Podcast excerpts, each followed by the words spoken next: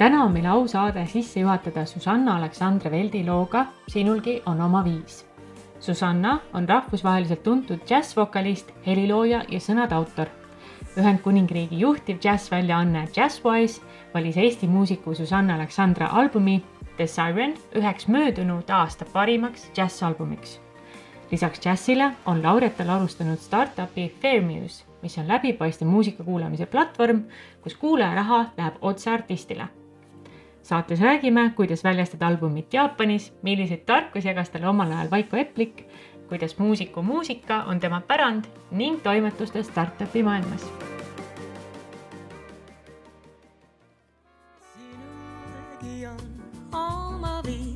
ei ta kuulu teistele, ei helise, ma teada võõres südames. ainult sinu rütmis voolab su oma meloodia, küll sa näed nii, on kindlamgi veel. Kui sul oma laul on kaasas, kõigile naerad, see on sinu salarõõm. sinu jõud, sinu laeng, sinu hetk, sinu aeg on käes, kellelegi aru andma ei pea, oma südant kuula, nii on hea aitäh, et tulid meile saatesse Hullult vinge. meil on täna ülipõnev lauljatar, aga mitte ainult tõeline, tõeline entreprenööritaja, mida sa kõike ei tee, aga tundub, et see läbiv joon, muusika ikkagi. absoluutselt sa... ja tere ka kõigile. mul on väga hea meel siin olla. jah, minu elukirg on muusika ja kõik, mida ma teen, on muusika ümber. ma olen laulja, ma olen helilooja, sõnade kirjutaja Äh, ma olen muusika ehk siis eelkõige lauluõpetaja, eelkõige hetkel professionaalsetele lauljatele ja lisaks kõigele ma töötan sellises muusikaäpis nagu Fairmus või Fairmus, nagu võib-olla eestlased tahavad öelda. Susanna, kuskohast tuli sinu see kirg muusika vastu, kas sa mäletad seda hetke tagasi või see tuligi kooridest või kodust kaasa? see tuli kindlasti kodust kaasa, et äh, kooris ma pole kunagi elus laulnud. Äh, sellepärast, et äh, minu konkreetne soov, kui ma olin kolmene, oli saada ooperilauljaks mispeale minu vanemad ütlesid, aga siis koori ei lähe, et kui tahad saada soololauljaks, siis koori ei lähe. ja sellepärast ma ka ütlesin oma lauluõpetajale, kes mind kogu aeg koori kutsus, et ma ei saa tulla, ma tahan hakata ooperilauljaks ja mul oli väga konkreetne põhjus olemas talle. aga ja see tuli kodust kaasa, sest et äh, ma sündisin muusikute perre. Äh, minu isa on saksofonist Virgo Veldi, minu vanaema siis ema poolt äh, oli Eevi Ross, pianist, klassikaline pianist ja vanaisa Aleksander Ryabov, klarnetist ja dirigent ja arranžeerija. ja muusikat oli meil peres kogu aeg, meil tehti kodus proovi, bändid mängisid mm, -hmm. olid peod, kust tulid muusikud ja siis nad hakkasid jämmima ja ma käisin väga palju kontsertidel, ma käisin väga palju teatris, ka ooperis, et kust muidu see soov tuli, onju. Mhm. Nii et ma olin väiksest peale kogu aeg muusikategevustes sees kas sa mängid ise ka mingisugust pilli? ma mängin klaverit, aga ütleme nii, et ma esineda sellega ei julge Äh, aga ma kasutan seda kui tööriista, et kirjutada muusikat ja õpetada. Ja ma mängin või noh, hakkasin nüüd võtma kitarritunde, et pubekana mängisin, kirjutasin selliseid lihtsaid poplugusid sellega. Ja nüüd siis äh, olen käinud uuesti kahes kitarritunnis, aga olen olnud praegu natuke halb õpilane, sest aega on vähe minu jaoks on hästi huvitav just see, et tavaliselt ju, kui hakatakse laule kirjutama, siis nad ju kasutavadki mingisugust äh, instrumenti saateks, eks ju, et kas see on alati äh, hädavajalik? kuidas sa ise arvad? laulude kirjutamiseks jah? tegelikult tänasel päeval ju ei ole, et väga paljud inimesed kirjutavad laule nii, et nad ei oska üldse mängida, et on ju olemas kõikvõimalikud luubid mm -hmm. ja produ-, produtseerimise tööriistad ja just nimelt sample'id ja võtad kuskilt mingi kruuvi ja paned natukene mingi klaveri kruuvi sinna peale ja paned mingi biidi alla ja ongi lugu ja siis laulad midagi peale ja mm -hmm. ongi, et sul ei ole tegelikult muusikalisi teadmisi vaja, et muusikat luua. kas ähm see, et sa sündisid siis sellisesse muusikalisse perekonda, eh, kas ähm, tundub, et see oli sul kuidagi ette kirjutatud võib-olla, et sinust saab siis võib-olla äkki laulja?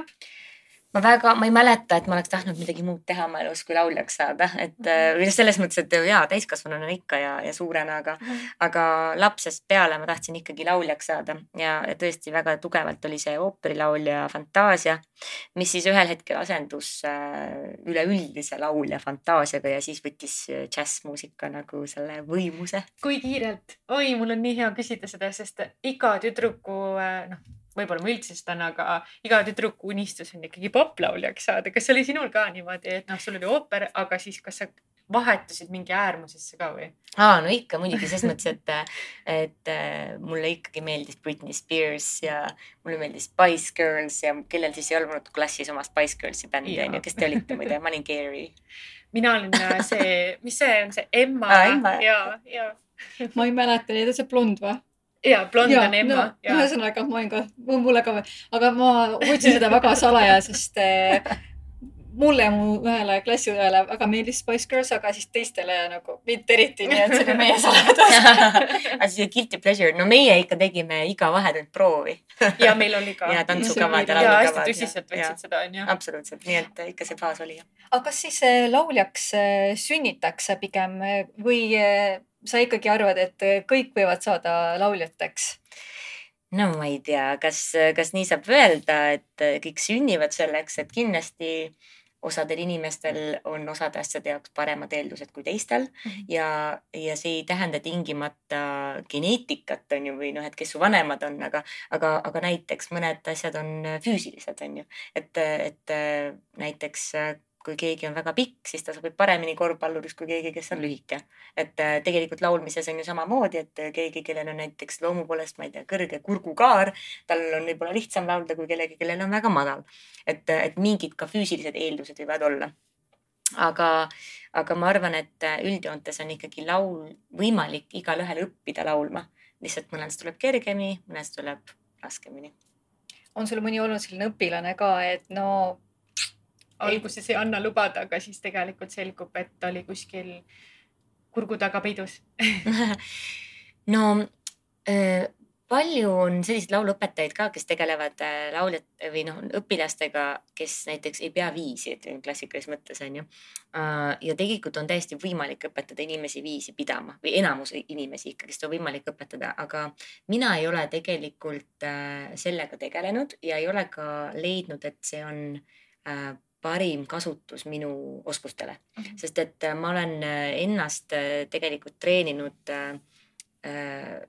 noh, õpetajana ka tegelikult väga kõrgele tasemele, õppinud Soomes ja USA-s ja ma arvan, et minu teadmised ja oskused on kõige kasulikumad neile, kes juba on lauljad ja tahavad siis oma karjääri viia nagu sellele järgmisele tasandile. et sellepärast ka ma olen ise fokusseerinud rohkem professionaalsetele lauljatele ja lauluõpetajatele, et anda neile need teadmised, mis neil on võib-olla jäänud kuskilt natukene nagu lünklikuks mm. -hmm ma tahaks teada sinu sellest just, et sa hakkasid rääkima, et noh, et sa valisid džässi mingil hetkel on ju, et kuidas see sinu karjäär Eestis sai üldse äh, alguse just selles valguses, et džäss on ähm,, ta ei ole ju mainstream, et seda ei kuule kõik, aga Eestis veel enam kuna meil on nii väike rahvus, et kuidas see rulluma hakkas sul niimoodi lahti? no ikka läbi vanaisa, sest vanaisa oli džässmuusik ja kodus olid jämmid ja kui sa ikka kasvad selle sees üles, et, et muusikud tulevad koju, vanaema teeb süüa, võetakse natuke viina siis hakati, võetakse pillid välja, onju, no meil kodus tiibklaver loomulikult onju, hakati mängima ja siis sa oled see väike tüdruk seal, kõik onud on nii toredad ja tädid on ilusad ja, ja, ja, ja, ja, ja. siis nad kuulavad seda muusikat ja siuke mõnus sumin vot see -hmm. sumin ja siuke nagu turvatunne ja siis see muusika seal kõrvus, et see ääretu soojus, mis sellega kaasa tuleb, et alati, kui ma selle peale mõtlen, siis tuleb siuke mm,, siuke nagu mõnus mälestus ja mm, -hmm. ja ma arvan, et see oli tegelikult see, kus päris armastus selle muusika vastu alguse sai.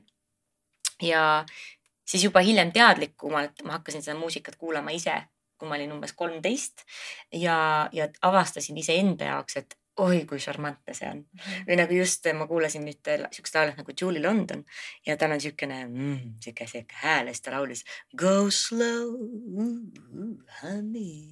siis mõtlesin, jesus, et see on kõige seksikam asi, mida ma elus olen kuulnud, et, et ma tahan ka niimoodi laulda.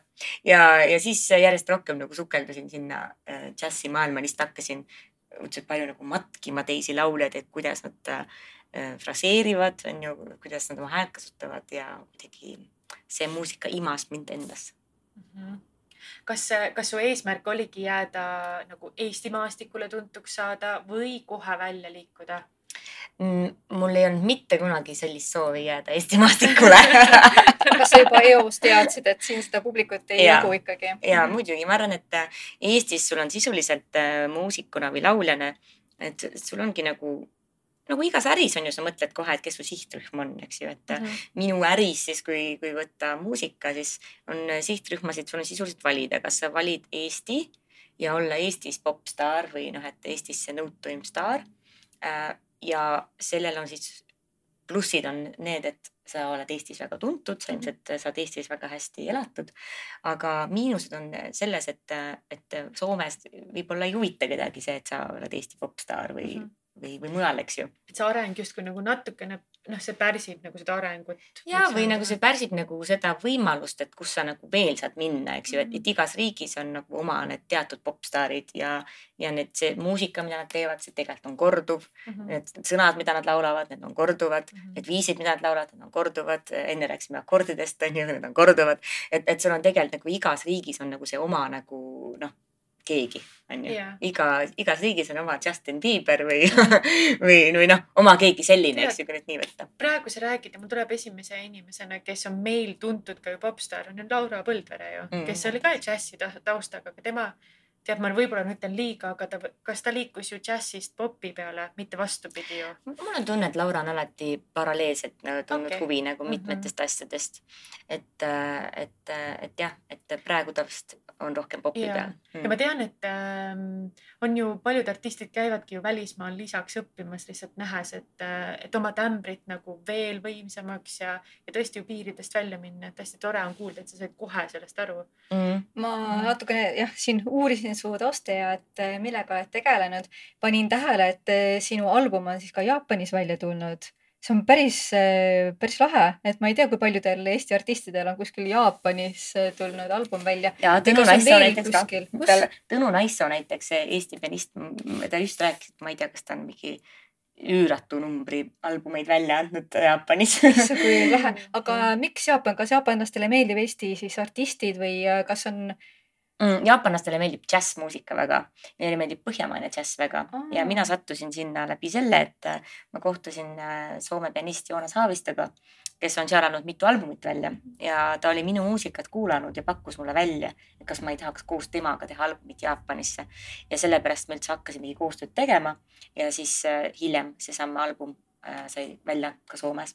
et, et jah, ja tegelikult meil pidi Jaapanis olema suur tuur kontsertsaalides ja pidime ka esinema ühes kõige suuremas nagu muusika raadiosaates, et sihuke nagu kakssada miljonit inimest kuulab seda raadiosaadet.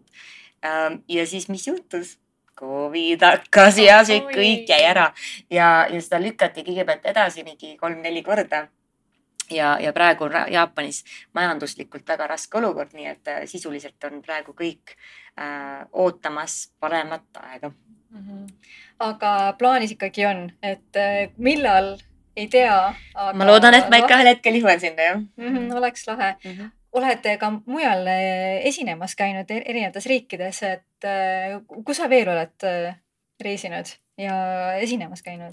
No eelmine aasta oli siin üsna aktiivne, et tegime väikse Euroopa tuuri, mille käigus me olime Saksamaal, Prantsusmaal, Belgias ähm, ja, ja siis ma läksin, ma ei mäleta enam, kas enne või pärast ma läksin Kanaari saartele, kus ma esinesin Gran Canarial ja Tenerifel väga ägedates äh, kontsertsaalides.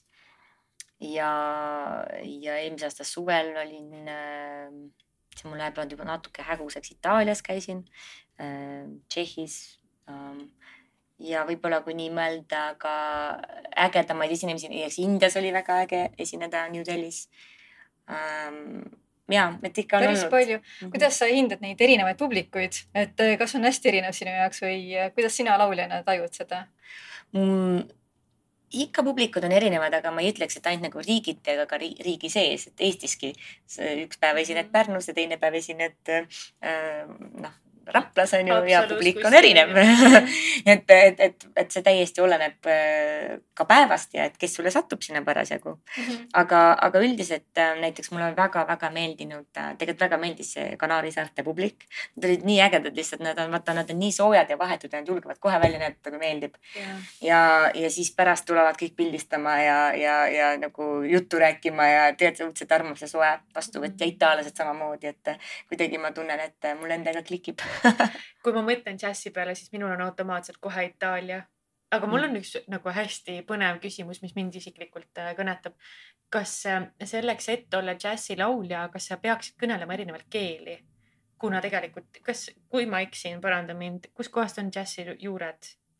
no džässi, tegelikult päris džässi juured on Ameerikas ja džäss sündis äh, seal Mississippi jõe kallastel onju Mm. kus siis omavahel siis segunesid äh, Aafrikast tulnud orjade äh, järeltulijad ja, ja siis erinevad äh, kohalikud inimesed ja tekkis siis erinevad kultuurid ja siis tekkis selline nagu äh, melting pot äh, on ju kultuuride mm -hmm. nagu selline segapudru.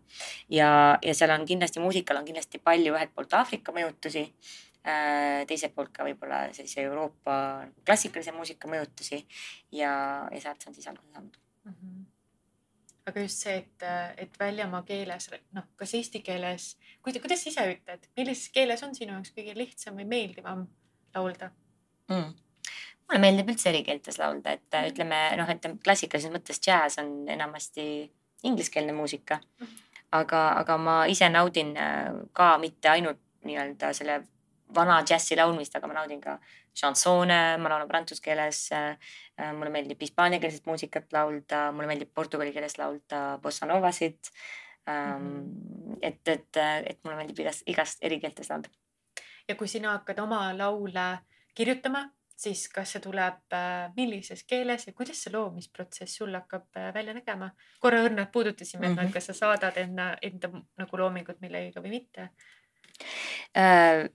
Loomisprotsess äh, algab äh, kahel võimalusel või kahel variandil, et üks on see, et hakkab peas mingi asi käima, mis äh, võib juhtuda täitsa suvalistel hetkedel, aga tihtipeale, kui ma olen nii-öelda tegevusetult on ju, või kui on igav, et sellepärast, sellepärast mulle meeldib näiteks, ma ei tea, trammis sõita või jalutamas käia või jooksmas käia või nii, et ei ole nagu midagi nagu kaasas mm. -hmm ja siis hakkab midagi, siis su, su mõistus ju hakkab mõtlema asju välja, et huvitav oleks ja siis tihti seal tekivad mingid muusikalised ideed.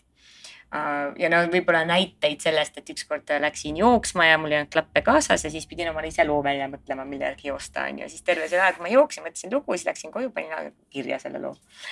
ja, ja siis teinekord näiteks, no näiteks Pariisis jalutasin ja siis hakkas samamoodi niimoodi lugu käima peas ja siis tuli refrään oli olemas ja siis läksin ja siis hakkasin mõtlema, nii, mis nüüd enne refrääni peaks saama mm. -hmm. et, et hakkasin hoopis nii-öelda lõpust ettepoole kirjutama mm. -hmm. aga jah, ikkagi tekib nagu mingi meloodiline idee ja, ja tihti need sõnad tulevad üsna peatselt järgi mm. -hmm aga teine variant on see, et kui sul on deadline kas on lihtne ammutada inspiratsiooni, kui sul on deadline peal? jaa, muidugi see on, ei, see on väga hea, sellepärast et siis sul on vaja mingi asi teha algusest lõpuni ja, ja siis sa lihtsalt hakkad tegema ja teed ära, sest et äh, ma mäletan kunagi Vaiko Eplik andis ühe workshopi, kui ma veel Elleri koolis õppisin ähm,.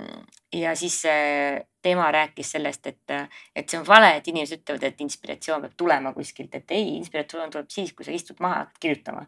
ja tegelikult see on õige, see on selline distsipliin on ju. ja, ja, ja teiselt poolt looming on nagu muskel Mm -hmm. et kui sa hoiad oma muskli aktiivsena, siis ta nagu äh, läheb, süttib kiiresti, ütleme niimoodi mm. -hmm. kas võib olla, et ka erinevatel inimestel see toimib erinevalt või pigem ikkagi see on see muskli kasvatamine, nagu sa ütled? ma arvan, et looming on ikkagi seotud sellise harjumusega luua mm -hmm. ja selle ikkagi selles mõttes sellise muskli kasvatamisega, et me ei räägi tegelikult ju ainult muusikast, on ju mm -hmm.. mõelge nagu ükskõik millest, kunstid või kasvõi lihtsalt ideed sul on vaja startup'i ideed, no lihtsalt jumala eest hakka mõtlema, onju. mõnel ei tule üldse midagi, aga kui sa iga päev näiteks üritad viis ideed välja mõelda, ma olen üsna kindel, et sa varsti jõuad hea idee peale et, et see on see harjutamine ikkagi mm. -hmm. see on tegelikult väga eluline soovitus sulle, mulle tundub praegu kuidagi, me just, meil olid ühed jutustasime siin Gretaga enne elulistel teemadel ja praegu sa räägid muusikast, aga su.... tundub, et otse Rita, Rita südamesse. otse südamesse läks praegu, et pani mõtlema aga see, kui sa kuulad teisi inimesi, kas nemad ka siis äh, ikkagi mõjutavad selles mõttes, et su loomingul on kindlasti ka mingisugune oma noh, signatuur mm. vaikimiseks ju all mm. et kui palju sa jõuad enam ise kuulata, et kui sa räägid, et sul on nii palju ettevõtmisi mm. ju, kool ja muusikaline karjäär ja äriline karjäär, eks ju. et äh, kas ise muusikat ka veel kuulad? hea küsimus, äh, kuulan, aga vähem, kindlasti kõvasti vähem kui vanasti ja, ja nüüd äh, äh, eks ma kuulan ka muusikat nagu natuke teistel eesmärkidel, et ongi üks eesmärk kindlasti on inspireeruda mhm. -huh. ja leida nagu seda miskit, et mis mind kõnetab ja siis sealt kuidagi saada ideid. -hmm. et see on kindlasti üks asi. teine asi on no, muidugi see, kui trennis käid, aga ma kuulan palju podcast'e ka nii et, äh, nii et, nii et oleneb, mida ma lähen otsima ja, ja samas muidugi oma töö pärast ma kuulan ka, nii et Feermusis ma kuulan palju Eesti muusikat ja olen esimest korda tegelikult oma elus saanud äh, teada, kui palju ägedat muusikat Eestis tehakse mhm. kas äh, kuulad ka mainstream muusikat või see on sinu jaoks täitsa selline no-go koht praegu? ja pigem see jah et ja see ei ole üldse sellepärast, et ma tahaks mingit muusikat halvustada, aga noh, et oleneb, mis me mainstream'i alla paigutame, et kui on niisugune mingi mõnus, ma ei tea, popi, rocki või mingi selline muusika, siis mul ei ole mitte midagi selle vastu. aga näiteks kui äh, kuskil poes mängib mingisugune hull tümakas, siis ma tunnen, kuidas mul hakkab füüsiliselt halb. Et päriselt mul läheb süda pahaks ja siis ma pean ruttu sealt välja minema. Et ma käin tennist mängimas ja siis seal tennisehallis äh, duširuumis või seal mängitakse sellist ilget tümakat ja siis ma alati mõtlen, et see on ilmselt selleks, et e-, elektrit säästa, et keegi jumala eest sauna ei läheks ei tunneks lõõgastumist. ja just, et, et, et, et ma alati imestan ka, kui kuskil poes või kohvikus pannakse siuke muusika mängima, et kas te tõesti nagu tahate, et inimesed läheks ära või et mul nagu šopates tekiks ärevus mm. -hmm et, et ma ei tea ma jäin praegu veidi mõtlema ka selle peale, et äh, džässmuusika, et äh, et kuidas sa kirjeldad seda džässi kuulajat, et kes on, kes kuulab džässi? Sest mm. et see on nagu tõsi, et ega nagu mainstream'is see tänapäeval ei ole. vanasti, mulle tundub, vanasti tal oli palju suurem kõlapind mm., aga praegu on mindud üle lihtsalt sellise nagu noh, sellise muusika peale kahjuks üle nagu seal mm. eh, ostukeskustes lastakse kahjuks aga võib-olla see sõltub ka sellest, et mida sa ise näed enda mm -hmm. mätta otsast, et noh, mina näiteks arvan, et on inimesi, kes just vastupidiselt on väga etno, on minu arust mm. Eestis väga popp ju vaata, kus meil on igasuguseid folgi üritusi ja asju, eks ju, et noh, see sõltub ka sellest, mis sa ise kuulad, võib-olla on ju mm. -hmm. aga džäss, äh, Philly, Philly Joe's mm, -hmm. eks ju, on mm -hmm. ju Tallinnas väga tuntud koht uh,. ja, aga no näiteks, kui me räägime ostukeskustest, näiteks minu meelest Kaubamajas mängib alati džäss et minu arust Kaubamajas viis pluss, et ma, ma veedan selle selles mõttes muusikalises mm -hmm. mõttes hea, hea meelega aega, et, et minu meelest paljud siuksed nagu mm, okei okay,, osades võib-olla poodides on ju mängitakse siukest generic mm -hmm. lifti džässi on ju, aga ikkagist vähe, vähemalt see ei ole mm -hmm. muusika, et mis tekitab siukest nagu tungi Ärevus. põgeneda jah, just on ju. no tegelikult sa oskadki kõige paremini, ma arvan, et võib-olla siis hinnata just, et eh, jah, et kui palju kuulatakse džässi näiteks tänapäeval ja, ja kes on põhiliselt siis see džässi kuulaja, on tal mingisugune karakteristikad sinu meelest või ei ole? ja no kõige, ma lähen ühe sammu tagasi, et üks, üks asi on jah see, et, et, et palju džässi kuulatakse, tead, mul on sihuke tunne et kui ma võrdlen äh, no näiteks eri riike äh, Eestiga ja palju nagu džässi nagu eksponeeritakse, siis mulle, mulle tõesti tundub, et Eestis nagu džässi eksponeeritakse väga vähe. ja, ja see on nagu ja, ja tegelikult see on õudselt kurb, et näiteks äh, ma ei tea kedagi näiteks, kes oleks kuskil kohvikus, kus näiteks mängiks džässbänd ja ma ei räägi praegu mingisugusest keerulisest, ma ei tea, sellisest avangard äh, muusikast. aga no näiteks kui kuskil mängib ja sihuke Frank Sinatra like džäss, et, et siis keegi ütleks, et jube nõme mm. -hmm. et pange ära, onju, või, või mängib live-bänd, et keegi nagu ei arvaks, et see on päris mõnus. et, et, et kui, kui inimene puutub sellega kokku, näiteks Soomes on seda palju-palju rohkem, et mingisugustes suvalistes kohvikutes mängib niisugune väike live-bänd või, või ähm, või nagu ka sellist muusikat nagu mängitakse rohkem ja siis inimesed puutuvad sellega kokku ja neil on meeldiv kogemus ja võib-olla isegi kunagi lähevad kontserdile. nüüd mulle tundub, et Eestis ka näiteks, kui me vaatame festivale, noh, ma ei tea, mingisugused intsikurmud või võnked on ju mm, -hmm. et jumala ägedad festivalid on ju, aga miks ühtegi džässbändi ei võeta?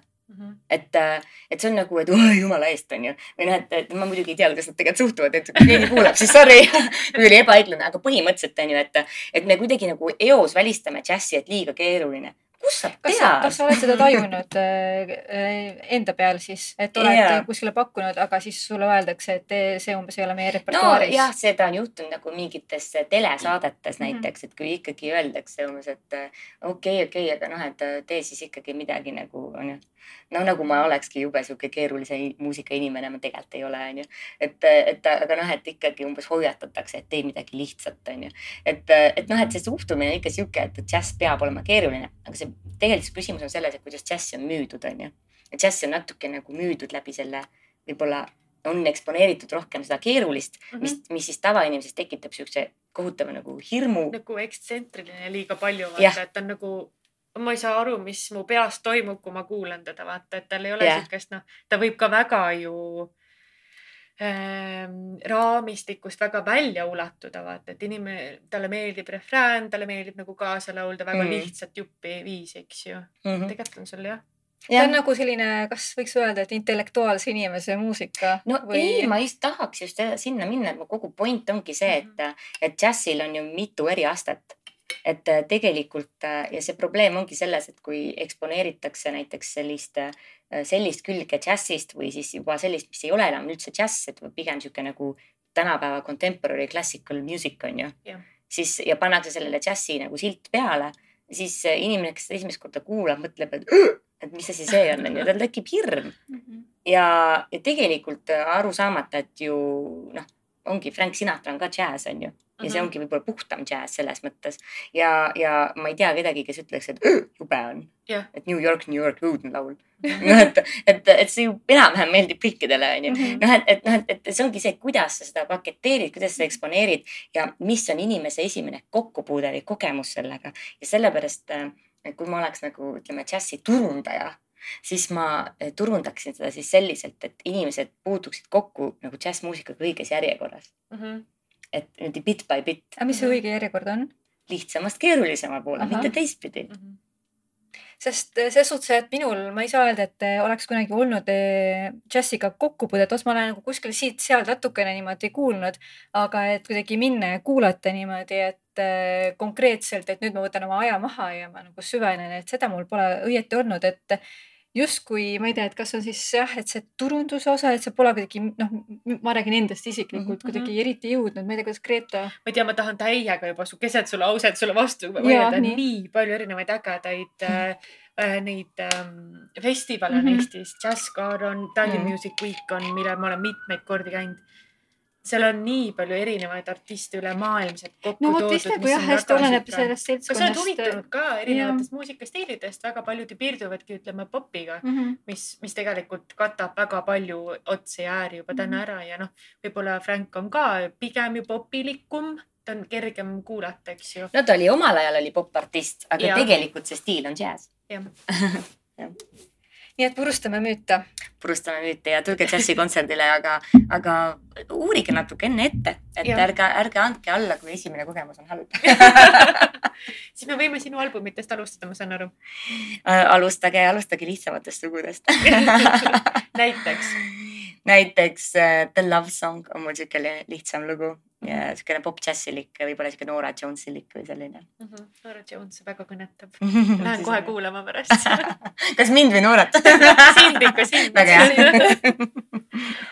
et aga sina kui laulja, et äh, sa oled ka helilooja ja äh, kirjutajaga, eks ju. et kas see on sinu äriline pool ka, mis toetab sinu laulukarjääri näiteks, et kuidas sa seda kirjeldad? Ja kindlasti, et ähm, ühelt poolt minu jaoks see loomise moment on väga-väga oluline, aga teiselt poolt äh, äh, autorid äh, ka teenivad autoritasusid et tegelikult äh, loomulikult see on ka alati väga teretulnud, et need tasud ei ole nii suured, aga see on alati selline, ma, ma ise mõtlen, et see on selline ühelt poolt sihuke passiivne tulu Mhm. ja teiselt poolt selline äh,, selline investeering äh, iseenda intellektuaalomandisse see ei kao ju mitte ja see ei kao. kuskile, just Mhm. nimelt. see on ju põhiline, noh, mina olin kunagi lapsena, ma korra teen väikse kõrvalepõike, ma vaatasin hästi palju muusikute elulugusid. äh, tohutult paelusid sellised saated, kus räägiti, et mis siis sellest pärandist, sellest legacy'st edasi saab, kui see muusik pärandab edasi. täna Franki pealt ju teenivad mm -hmm. ka inimesed tänaseni raha nii-öelda surnud muusikute pealt. tegelikult noh, kunst ongi ainuke võimalik viis kuidas pärast oma surma veel passiivset tulekut, noh, tegelikult on pärandatav ettevõte sisuliselt mm, on ju, ettevõtmine. et ähm, kuidas, kuidas sa ise tunned, et kas, kas see ongi see, mida sa üritad enda laulukarjääris nagu laiendada ka, et see passiivne tulu oleks suurem kui su aktiivne tegemine lõpuks? Ma ei ole sellest kunagi niimoodi mõelnud, ma arvan, mm. et see, et oleneb, kui hästi sellega läheb et muidugi mulle tegelikult meeldib kirjutada muusikat ka teistele lauljatele et äh, ka see on üks viis, et äh, tegelikult täiesti vabalt kirjutada popmuusikat äh, või popmuusika sõnu või viise ja täiesti teistele lauljatele, et see on täiesti nagu lahe ja põnev asi, mida teha ja saadki nagu ümber kehastuda mingis mm -hmm. mõttes olemata, kasutamata ise siis seda toodet või seda, seda loomingut, mis või, või mõni näide popmuusi pop? no näiteks välja tulemata laul veel praegu Ellipiga koos kirjutasime mm. -hmm. ja ma arvan, et see ühel hetkel tuleb välja, siis saate kuulda väga lahe. Kas sa tahaksid, äh, lihtsalt on minu sportlik huvi, kas sa tahaksid kirjeldada seda loomist nagu äh, sa lähed, milline su päev välja näeb või kuni selle hetkeni näiteks, millal ta välja tuleb, et mis, mis ampsud seal on, mis on tavaliselt kõige keerulisemad näiteks just ärilise poole pealt. kas seal on äh, ma ei tea, rahastus või on see stuudiopinna leidmine, et oletame, sa oled oma sample'iga nüüd valmis ja nüüd on sul peopesal ja siis hakkab minema, aga kuhu sa lähed sellega? okei okay,, sa mõtled nagu albumi väljaandmist või? Kasvõi singli või album, ma saan aru, on ju suurema mahuga on ju, aga näiteks singligi mm.. ja, ja see täitsa oleneb, et jah, album on kindlasti suurem amps, et, et et jah, ütleme kõigepealt on vaja see materjal valmis saada. Äh, kõigepealt kirjutada, sõnad kirjutada ja kogu see loominguprotsess läbi teha salvestada mm, -hmm. siis on mix master, on ju mm, -hmm. stuudiotöö, siis, äh, siis on kindlasti vaja leida rahastust. et äh, siis sa kirjutad neid projekte ja küsid rahastust siis sa, mm, siis sa metamorfoosi käigus sinust saab ühtäkki turundaja ja PR inimene, see kirjutab pressiteateid ja neid asju, on ju. Mhm. siis vahepeal peab tegema sellise otsuse, et kas muusika anda ise välja või annab selle välja mõni plaadifirma mm. -hmm Äh, nii et nii-öelda plaadifirmadega selline diili shoppamine, eks ole, et ja siis see, mm. siis see, et kas leida omale sobilik või siis jah, ise see välja anda. siis, kui see ise välja anda, siis sul on vaja muidugi kujundusele mõelda ja tiraažidele, kui sa tahad füüsiliselt välja anda. siis on vaja välja mõelda äh,, siis on vaja saada mingid teatud koodid äh,, noh, mingisugused EAN koodid ja ISR koodid äh, mm. ja nii edasi, nii et, et see on nagu üldjoontes siis see protsess, et mm -hmm. ja siis, siis see album tuleb välja, siis tuleb teha kontsert, on ju mm. -hmm. ja, ja tuur book ida ja siis ja siis muidugi tuleb teha ka palju ennetavat turundust, et plaat jõuaks paljude kriitikuteni. ja et sa saaksid siis arvustusi ja meediakajastust ja kõike seda. kas sa ise saadad kriitikutele oma albumit? Viimase albumiga äh, meil läks sellega päris hästi tegelikult, et äh, mul oli abis üks äh, UK PR professionaal ja Eestist oli mul abis minu väga hea sõber mm, -hmm. ka PR professionaal ja me äh, tegime palju koostööd, nii et ma paljuga kirjutasin ise tekste, aga nemad aitasid neid välja saata ja mhm. õigetele mm -hmm. inimestele edasi viia ja mis puudutas siis seda UK inimest, et sealt ma sain siis lihtsalt nagu, tema saatis kõik need eelmeilid kriitikutele, kes siis saatsid vastu, et kas nad tahavad füüsilist koopiat. ma saatsin välja kuskil seitsekümmend füüsilist koopiat, CD-sid mm -hmm. ja siis nad äh, maandusid nende kriitikute laudadel ja, ja siis sealt tuli ka päris hästi neid äh, mm -hmm. vastu, vastukäesid. kui äh, lihtne või noh, pigem võib-olla siis ma ei tea, äkki keeruline või äh, eks võid ise äh, iseloomustada seda protsessi, on äh, saada ähm, lauljaks, kellel tulevad need plaadifirmad siis kaasa läbi lüüa lauljana, et loomulikult paljudel on see unistus, et saada lauljaks, et kuidas sa siis, kuidas sa hakkama, kuidas sa tegid selle ära, et, et sa said džässilauljaks ma siiani teen seda. Et selles mõttes, et, et ma, ma ei, ma ei leia, et ma olen selle nagu ära teinud, on ju, et see on mhm. kogu aeg work in progress, et sul on, et no lihtsalt nagu need unistused või fantaasiad, kus ma omadega olen, et need on ju noh väga kaugele, aga, aga, aga see karjäär on äh, step by step, et sa mõtled nende jaoks need äh, platvormid välja ja iga kord, kui sa annad välja albumi või singli, sa alati ehitad nagu selle eelmise kihi peale. et noh, et üsna harva juhtub nii, et sa nullist äh, sajani saad grammi näiteks. et see on niisugune nagu tee, mida mm -hmm. sa Mhm. ehitad ülespoole mm. -hmm. ja, ja eriti selles mõttes, et on, on Eestist on nagu üsna raske seda teha, sellepärast et äh, noh, ühelt poolt ongi, et Eestis noh, džässmuusikat kuulatakse üsna vähe ja, ja Eestist välja saada ja, ja nagu noh, kogu see eksporditöö on ju, et see on äh, tegelikult väga-väga-väga suur töö, et ma olen tegelikult äh, nii-öelda teadlikult kontakte loonud alates sellest ajast peale, kui ma olin seitseteist, et ähm, et, et ühel hetkel, kui ma olen valmis et siis mul on olemas see võrgustik, ütleme nii, ja, tegelikult äh, noh, see on äh, people business ja sul on vaja eh, luua häid suhteid ja mitte lihtsalt, et sul on vaja nagu, kuidas ma ütlen, neid inimesi sellepärast, et sul on neid vaja, aga need asjad, muusikad minu meelest sünnivad sellepärast, et sul on inimestega hea kontakt Mm -hmm. ja, ja see on ka midagi, mis mul läks tegelikult mõni aasta aega, et aru saada, et, et sama palju kui, kui mina otsin kontakte, sest tegelikult keegi otsis mind. et ka sihuke nagu enda väärtustamine sinna juurde ja tegelikult, äh, kui keegi on ikka ilge, vabandust, douchebag, siis ma tõenäoliselt ei taha temaga tööd teha Mhm. ja, ja, ja sealt ei tule niikuinii midagi. ehk siis, et tegelikult ju ka mina otsin häid inimesi, ehk siis, et ei ole vaja üritada meeldida kellelegi, kellele see ei meeldi, sest et tõenäoliselt ta ei meeldi sulle ka ja see on jumala okei okay. ja inimesed, kellega sa klapid, sa klapid ja need on need inimesed, kellega sa tegelikult tahadki koostööd teha.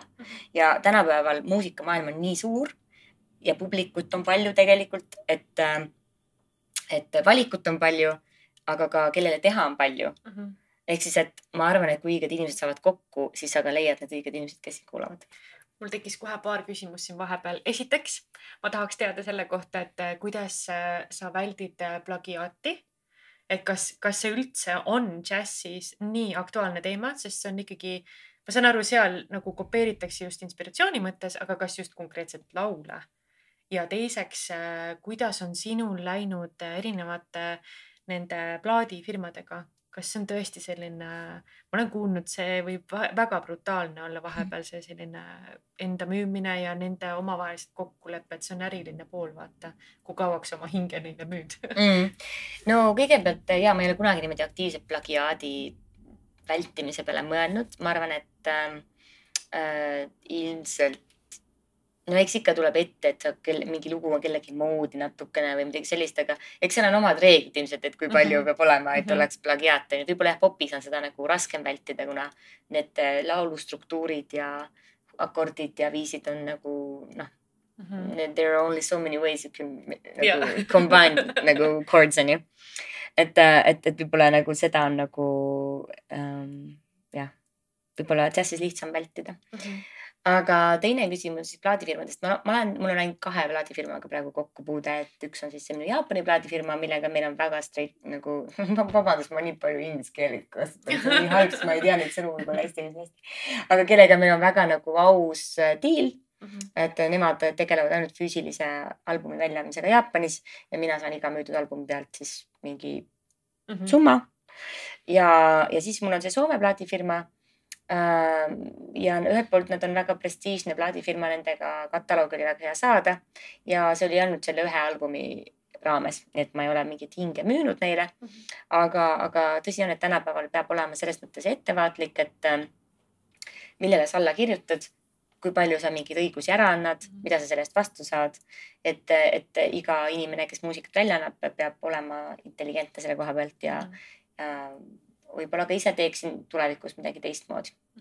sest sageli ma olen kuulnud, ma ei tea, kui aktuaalne see Eestis on, aga luuaksegi seetõttu enda plaadifirmad just, et äh, need tingimusi ise sätestada, et näiteks meil on Eestisse ka jõudnud äh, suured nimed, eks ju, ma ei tea, kas Sony ja mis need kõik on, on ju Mhm. suured plaadifirmad mm, -hmm. et äh, nad võib-olla aheldavad hästi äh, kõvasti kinni selle artisti vältimaks siis seda, et, et see nii-öelda see žanr läheb nii kaduma sellest, mida nemad esitavad, vaata või Mm. noh, esitlevad siis on ju. kas sina oled enda plaadifirma peale ka kunagi mõelnud? olen olen küll, et tegelikult äh, äh, mul on praegu mitu muusikalist plaani, mida välja anda, et üks asi on, üks, üks asi on see, et ma tahan anda välja vinüüli mis oleks eestikeelsete lugudega ja just sihukeste nagu džässilugudega. ja teine asi, ma samal ajal teen ka natukene popimat projekti, niisugust nagu pop, soul, funk, sihukene muusika ja sinna tuleb siis, ma arvan, segu eesti ja ingliskeelsest muusikast um, ja sinna kirjutame lugusid praegu, see on hästi lahe, sest et see on hoopis teistmoodi. ja, ja tegelikult eks loomulikult, kui, kui nii, kui on mingisugune Äh, album või, või singel või muusika välja tulema, siis loomulikult hakkad kohe mõtlema, et, et, et tuleb uurida, milliseid tingimusi pakuvad olemasolevad plaadifirmad mm -hmm. ja siis tuleb mõelda, et tegelikult mul nüüd see oskamine on olemas mm. -hmm. ja siis tuleb see küsimus, et kui palju ma viitsin ja. ja jaksan ja jõuan. ja et, et tuleb panna lihtsalt plussid-miinused paberile ja teha sihuke lihtsalt puhas kalkuleeriv otsus aga mina juba saladuskattel tean, et see on midagi seoses küll mitte plaadifirmaga, aga sul on mingisugune väga põnev projekt, mida sa tegelikult lauludele lisaks siin kõrval teed mm. -hmm sa tegeled startup indusega. mis ja. sa teed? mis on uh, Fairmuse? ja Fairmuse on Eesti äh, muusika äpp äh,, mis keskendub kohalikule muusikale ja milles kuulaja raha läheb ainult nendele, keda ta kuulab kuidas ta on siis eh, erinev teistest eh, sarnastest eh, äppidest? põhivärk ongi see, et, et me keskendume kohalikule muusikale, tõsi, praegu see on Eesti muusika, aga tulevikus me tahame olla kohaliku muusika äpp globaalselt, ehk siis, et äh, oleks lihtne leida erinevate riikide muusikat, mis sind huvitab ja erinevast riigist teatud žanri muusikat, mis sind huvitab. ja, ja teine point on just nimelt siis see selline nagu rahaline läbipaistvus, et teistes muusika äppides, kui sina maksad kuulamistasu ja näiteks kuulad äh, Taukarit, siis sinu raha ei lähe üldse Taukarile, vaid sinu raha läheb näiteks, äh, kes meil on popp praegu, äh, noh, Jay-Z-le on ju, võib-olla ta ei ole enam nii popp, aga ikkagist, et sinu raha läheb kellelegi rahvusvahelisele suurele. aga meie tahame ikkagi rohkem kokku tuua selle kuulaja ja artisti ja et kuulaja teab, kuhu tema raha läheb ja artist saab olla rõõmus, et talle ka mingit raha tuleb. see on see mõlemapoolne huvi on kaetud, eks ju. ja just nimelt selline nii-öelda fair trade, et kes, et, et see on ju popiks läinud, et, et sa ostad võib-olla vabakana pidamise mune ja fair trade kohvi on ju, aga, aga muusikas kahjuks see on natuke lapsekingades veel. kus see idee alguse sai? kas sa said inimestega kokku ja otsustasite ära teha või? muusikud kõik koos arvasid, et võiks olla sihuke koht tegelikult äh, sellised tuuled äh, sinnapoole on puhunud äh, juba tükk aega ja, ja muusikud on olnud rahulolematud praeguste streaming teenustega just mhm. nimelt selle raha jaotamise pärast. ja selle mõtte peale tuli Reigo Ahven Covidi ajal äh,, kui kõik esinemistulud jäid nulli ja siis oli veel eriti karjuvalt selge, et kui esinemistulusid ei ole, et siis ei tule nagu kuskilt neid tulusid ja mhm. vanasti osteti plaate, nüüd ei osta keegi neid ka.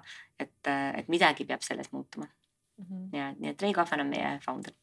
see on hästi põnev, äh, ma ei ole kunagi seda, ma tean, kui suured haid äh, liigutavad mingisuguseid, nad saavad ju väga ka nagu ära keelustada mingisuguseid artiste näiteks või või artist ise saab boikoteerida mingite äppide suhtes, et kuidas teie olete mõelnud seda, et äh, artistil oleks see nagu äh, inglise keeles tahab mul ka tulla appealing, et ta nagu on huvitatud sellest, et äh, ma tahan, et minu kuulajaskond oleks väga huvitatud just mulle seda raha.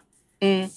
no võib-olla, mis meie, meie puhul on teistmoodi, on see, et, et meie äpi äh, muusika laadimine on tasuta ja seda saab teha otse ilma kolmandate osapoolteta.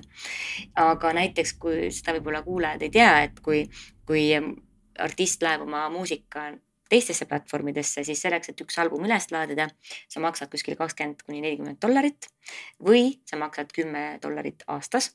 aga näiteks äh, sa noh, pead saama umbes miljon kuulamist, et teenida tuhat euri, ehk siis, et on nagu tavaline selline noh, väiksem artist võib-olla teenib siin kümne aasta jooksul võib-olla see kakskümmend dollarit tagasi nii et, et tegelikult muusikud enam-vähem maksavad peale, et nende muusika seal üleval oleks. Väga huvitav, siis järelikult ähm, need suured platvormid, ütleme, on, äh, nad on selles mõttes, nad on artistisõbralikud ja nad saavad kõlapinda sealt mm. -hmm. et jah, mind on leid-, nagu võimalik leida kuskilt ja siis nad nagu äh, suunavad enda selle tugevuse just äh, kontsertidele.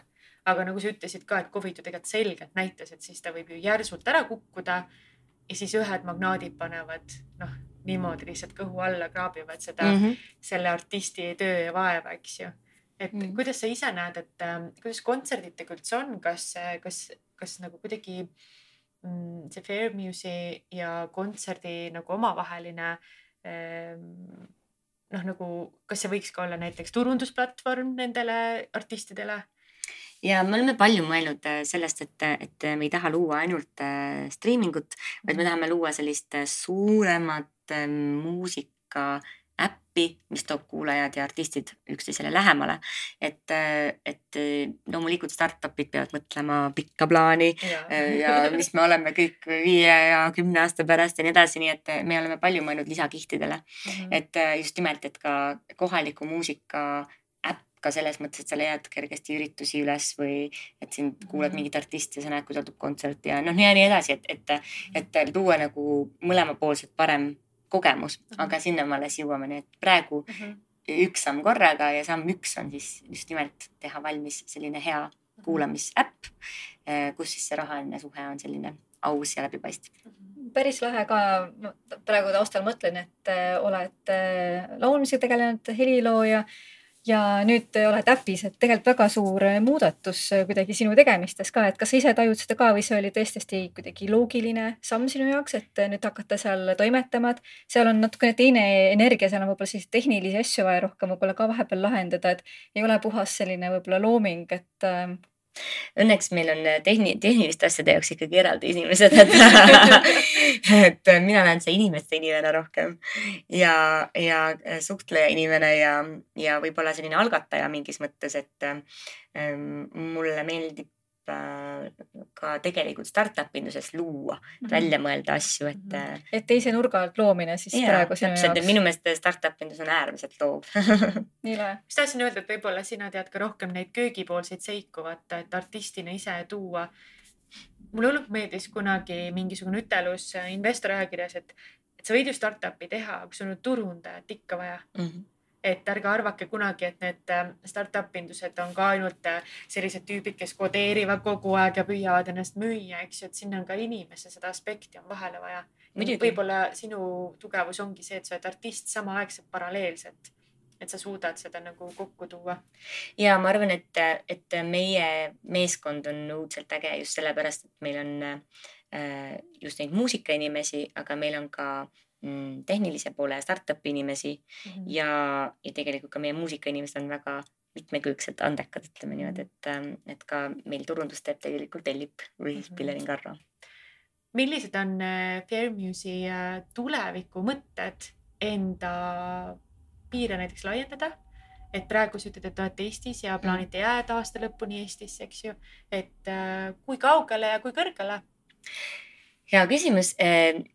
Tegelikult selle Eestis olemise aasta eesmärk on koguda võimalikult palju infot, kuidas jõuda kuulajani, kes on meie kuulaja, kes on see, kes, kellele me seda äppi tegelikult teeme ja, ja leida see võti, kuidas minna väljapoole mm. -hmm. et äh, siin üks võimalus on jah, loomulikult minna turg per turg ehk siis riik per riik, aga on teisi võimalusi, et minna läbi kogukondade, et näiteks kui on väga tugev näiteks folgi või etno kogukond, et miks mitte minna läbi žanri ja olla näiteks number üks etnoäpp maailmas, eks ju.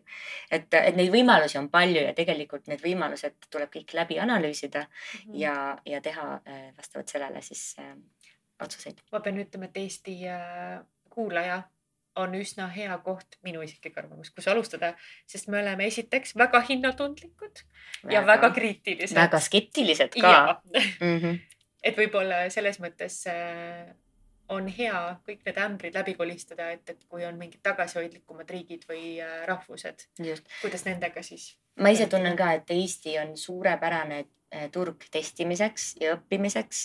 Ja just nimelt see, et Eesti, eestlased on nii skeptilised ja, ja siis sa oled, saad juba igalt poolt seda, et mis, mis, mis sa teed siukest asja et, et seda tuleb nagu igalt poolt, et siis sa oled juba nii karastunud, et kui sa lähed järgmisele turule, kusjuures jube naljakas ongi see, et kui ma räägin ameeriklastele, et me teeme siukest asja näiteks muusikutele, siis arvata. nad kõik ütlevad, et lõpuks ometi. minu esimene reaktsioon oli ka, et lõpuks ometi just, keegi tegeleb siukse asjaga. aga kui Eestis räägid kellelegi, siis on, et aa, no aga juba on juba teised olemas, et mis. kui sa, kui te olete juba unistanud ka äh, suuremalt, et äh, mis oleks siis järgmine riik, mille te võtaksite sihikule, kas olekski siis Ameerika või äh, kuidas te tahaksite tegelikult, liikuda? kuna me keskendume just sellele kohalikule muusikale, siis ja ingliskeelset muusikat on jube palju igal pool, siis äh, ma, ma ei saa praegu riiki öelda, aga ma ütleks, et me keskendume mitte ingliskeelsetele riikidele. Mm -hmm. Mhm. kas äh, ma küll natukene lähen kaugemale sellest teemast, aga ütleme, Fermius on peamiselt ju ikkagi ähm, ma ikka luubin sellesama Mhm. mõtte otsas veel, Mhm. et äh, sa loed oma muusika, mina saan sind kuulata, mina toetan, sina saad oma selle artistliku poole saad siis nagu kuhugi jagada. et ähm, aga mis sa ise arvad, kas pigem liigutakse nagu äh, online kuulamise peale või äh, ikkagi tahetakse näha ja katsuda ja kaasa laulda selle artistiga ka? ma arvan, et mõlemat, et aga, aga ma, ma kardan, et sellist nagu noh, mingi CD-de ostmist ei tule tegelikult tagasi, et võib-olla siin mõni fanatt ostab CD või, või ma ei tea, Vinüüli. kasseti või Mhm. vinüüli ja noh, vinüül on natuke popim praegu, eks ju. aga, aga ma arvan, et põhi, põhivormideks jäävad ikkagi laivid ja streaming ja ma arvan, et üks ei välista teist, et toetavad üksteist, et ikka, kui sa ju striimid midagi ägedat ja leiad, siis sa lähed kontserdile ja vastupidi, eks ju, et äh, kontserdilt saad hea elamuse, lähed koju ja striimid pärast et, et, et kindlasti need kaks, ma arvan, toetavad üksteist, mitte ei, ei bloki üksteist. noh, Shazamid või midagi sellist yeah. ka onju. just oled kontserdil, kuulad nii hea artist mm, mm. -hmm. -hmm. aga vahest jääbki nagu mingisugune infokild jääb nagu kõrva vahelt puudu ja siis ongi väga mm -hmm. Hea võimalus onju. mina tahaks küsida seda veel, et äh, kas sa oled ka mõelnud äh, kuna sa tegeled sellise asjaga nagu noh, sa saate alguses rääkisid ka, et, et sa oled Mhm. ka laulu äh, siis õpetaja, eks ju mm. -hmm. et sa õpetad äh, lauljaid siis veel professionaalsemalt laulma. kas, kas sellisele ähm, mõttele võiks ka olla näiteks äpp? ja sellisele mõttele on juba minu meelest äppe, Mhm. et äh, tegelikult äh, üks täitsa isegi, oota, ma kohe ütlen teile, mis selle nimi on. Ja ma just mõtlesin, et äh, ma, ma uurisin, mind kõnetab väga see Mhm. mõte, et su see Singability programm Mm -hmm. et äh, nagu sa ise ütlesid, äh, kahjuks mind täitsa algajat ilmselt sinna ei oota aga, aga just, et see mõte, et äh, kuskilt alustada ja siis minna edasi professionaali juurde, et vahetut kontakti saada, et võib-olla neid harjutusi ma suudaks kodus ise mm. -hmm. teha, onju. et äh, ma tean, et see võib küll ka ohtlik olla, et sa kurnad oma häälepaelad just valesti ära. et kummas aspektis, ma arvan, oh, ongi hea küsida Mm -hmm. kummas aspektis sa arvad, et oleks hea minna kõigepealt laulu äh, seadesse, kas on siis enne või hiljem või kogu aeg? Äh, nii, siin küsimused tulevad mitmes mit,, mitu korda, siis kõigepealt ma räägin, see äpp on Vocal Image, et Mhm. ma, et siin, siin oli sihuke, et ma korra proovisin neid ise ka, need olid päris lõbusad, et äh, siin sai äh, erinevaid asju harjutada ja siis äh, ta kuulab sind ja siis analüüsib ja annab sulle tagasisidet ja ta- ta õpetab ka kõne läbi selle, mida ta siis nii-öelda äh,, ma ei tea, kas siis ai läbi või midagi analüüsib. minul oli väga demotiveeriv, ma paar aastat tagasi Ah, siis proovisid, jah? äh, proovisin ja ma panin kõikide nootidega täiesti mööda. Ah. uuesti väga, mulle see? Vocal image ja siis ma testisin ja siis ma tegin ise nalja siin, et ma, et siin on niimoodi, et sa pead, võid rääkida ja siis ta äh, ütleb sulle, mis staari moodi sa kõlad. Oh. ja siis ma olin, Põnev siis ma tegin, muutsin oma häält siis niisama. Ja siis Nii. küll ma olin äh, üks ja teine ja kolmas ja viies ja ühesõnaga mu oma tavaline hääl pidi olema nagu Sharon Stone. I'll take that.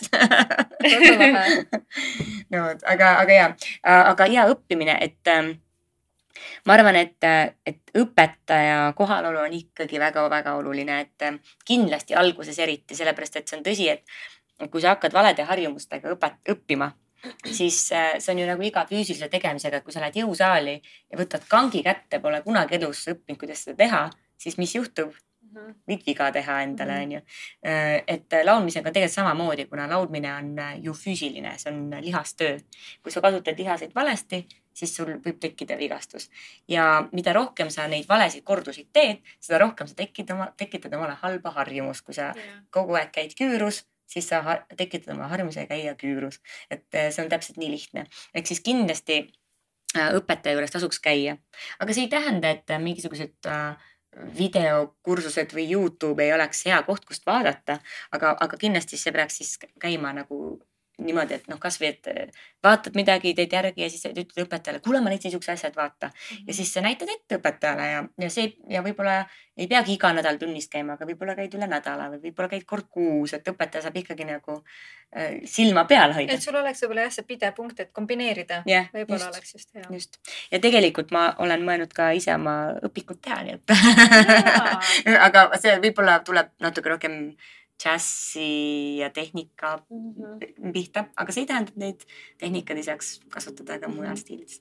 küsiks veel juurde, et äh, ka sinu tulevikuplaanid, kuidas sa ise näed, kas sa jääd äh, džässile näiteks ka täiesti lojaalseks, kas sa näed elu lõpuni, et sa oled äh, džässilaulja või kuidas sa tajud, on sul nagu mingisuguseid selliseid visioone enda viie aasta pärast või mm. kümne aasta pärast no,? Esit... kus sa oled ja mis sa laulad ja, ja.?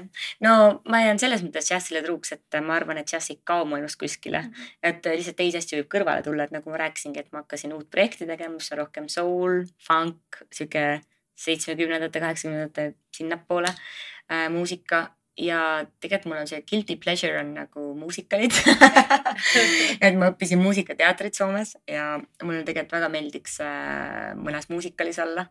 Kas sa, sa pole olnud? ei ole muideks ja, et mm -hmm. ma olen tegelikult õppinud seda, aga ja Eestis muideks ei tehta üldse siukseid äh, casting uid väga, et äh, et äh, ei, raske on teada, kui need toimuvad. Äh, algatama. ja just, just jah. aga, aga, aga jah, vaatame, et millal selle, selleni veel jõuab, eks. sul on projekte praegu küll mm, -hmm, aga. projekte on palju, aga ei noh, kindlasti, mis ma olen küll mõelnud, et, et ma tahan võtta nagu konkreetsemalt ette teatud turud, ütleme nii.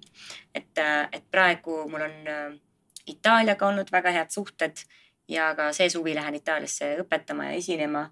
Nii et ähm, mm, mul on üks soov küll saada Itaaliaga äh, veel paremad suhted ja käia seal rohkem esinemas ja rohkem Itaalia muusikutega koostööd teha kuidas nendega koostöö tegemine eh, on olnud, kui palju sul seda kogemust on? Molto bello väga tore natukene siis võib-olla sellist Tem. temperamendi erinevust sa mõtled nagu? temperament või üldse nagu, kas äh, igast nagu võib-olla jah, nagu me nimetame neid köögipoolseteks asjadeks, et või äh, mida meie näiteks kuulajatena võib-olla ei pruugi üldse teada, et äh, mis asju, mis asjad üldse toimuvad või mis on võib-olla mingid vahe, vahvad seigad olnud võib-olla koostöö tegemisel, võib-olla erinevad kultuurid ja riigid ja, või üleüldse. Mm.. no kui ma esimesed esinemised tegin Itaalias, siis äh need toimusid äh, selliste vendadega nagu Emanuele ja Adriano Urso ja nad teevad siukest swing-bändi, tead siuke kolmekümnendate mm -hmm. stiilis onju. siuke väga lõbus. ja väga ja. lõbus ja ma käisin neil nagu külalislaul, lauljana siis e, esinemas nendega ja elasin kuu aega Roomas ja käisime nendega siis igal pool ja siis äh,, nad on, nad on noh, ühte kahjuks enam ei ole, aga, aga, aga nad siis on, on, olid, on äh, sellised vennad, et, et nad kõik, mis nad teevad, on kolmekümnendates põhimõtteliselt.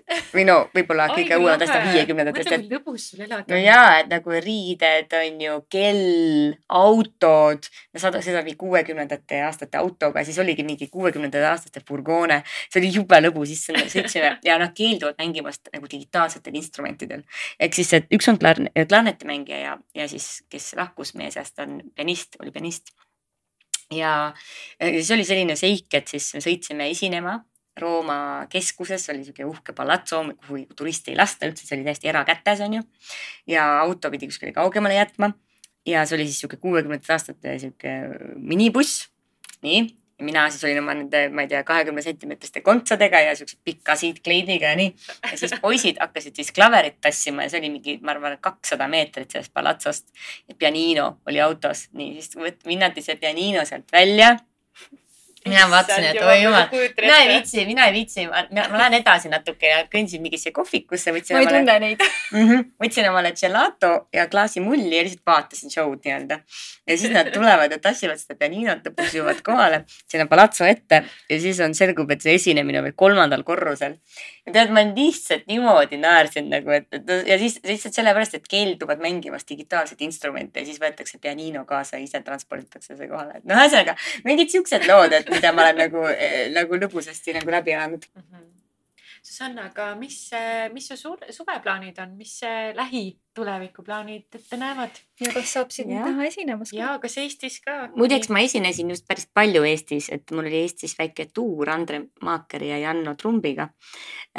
ja praegu suvelainele minnes on rohkem esinemisi tegelikult isegi Soomes ja, ja siis Itaalias juba.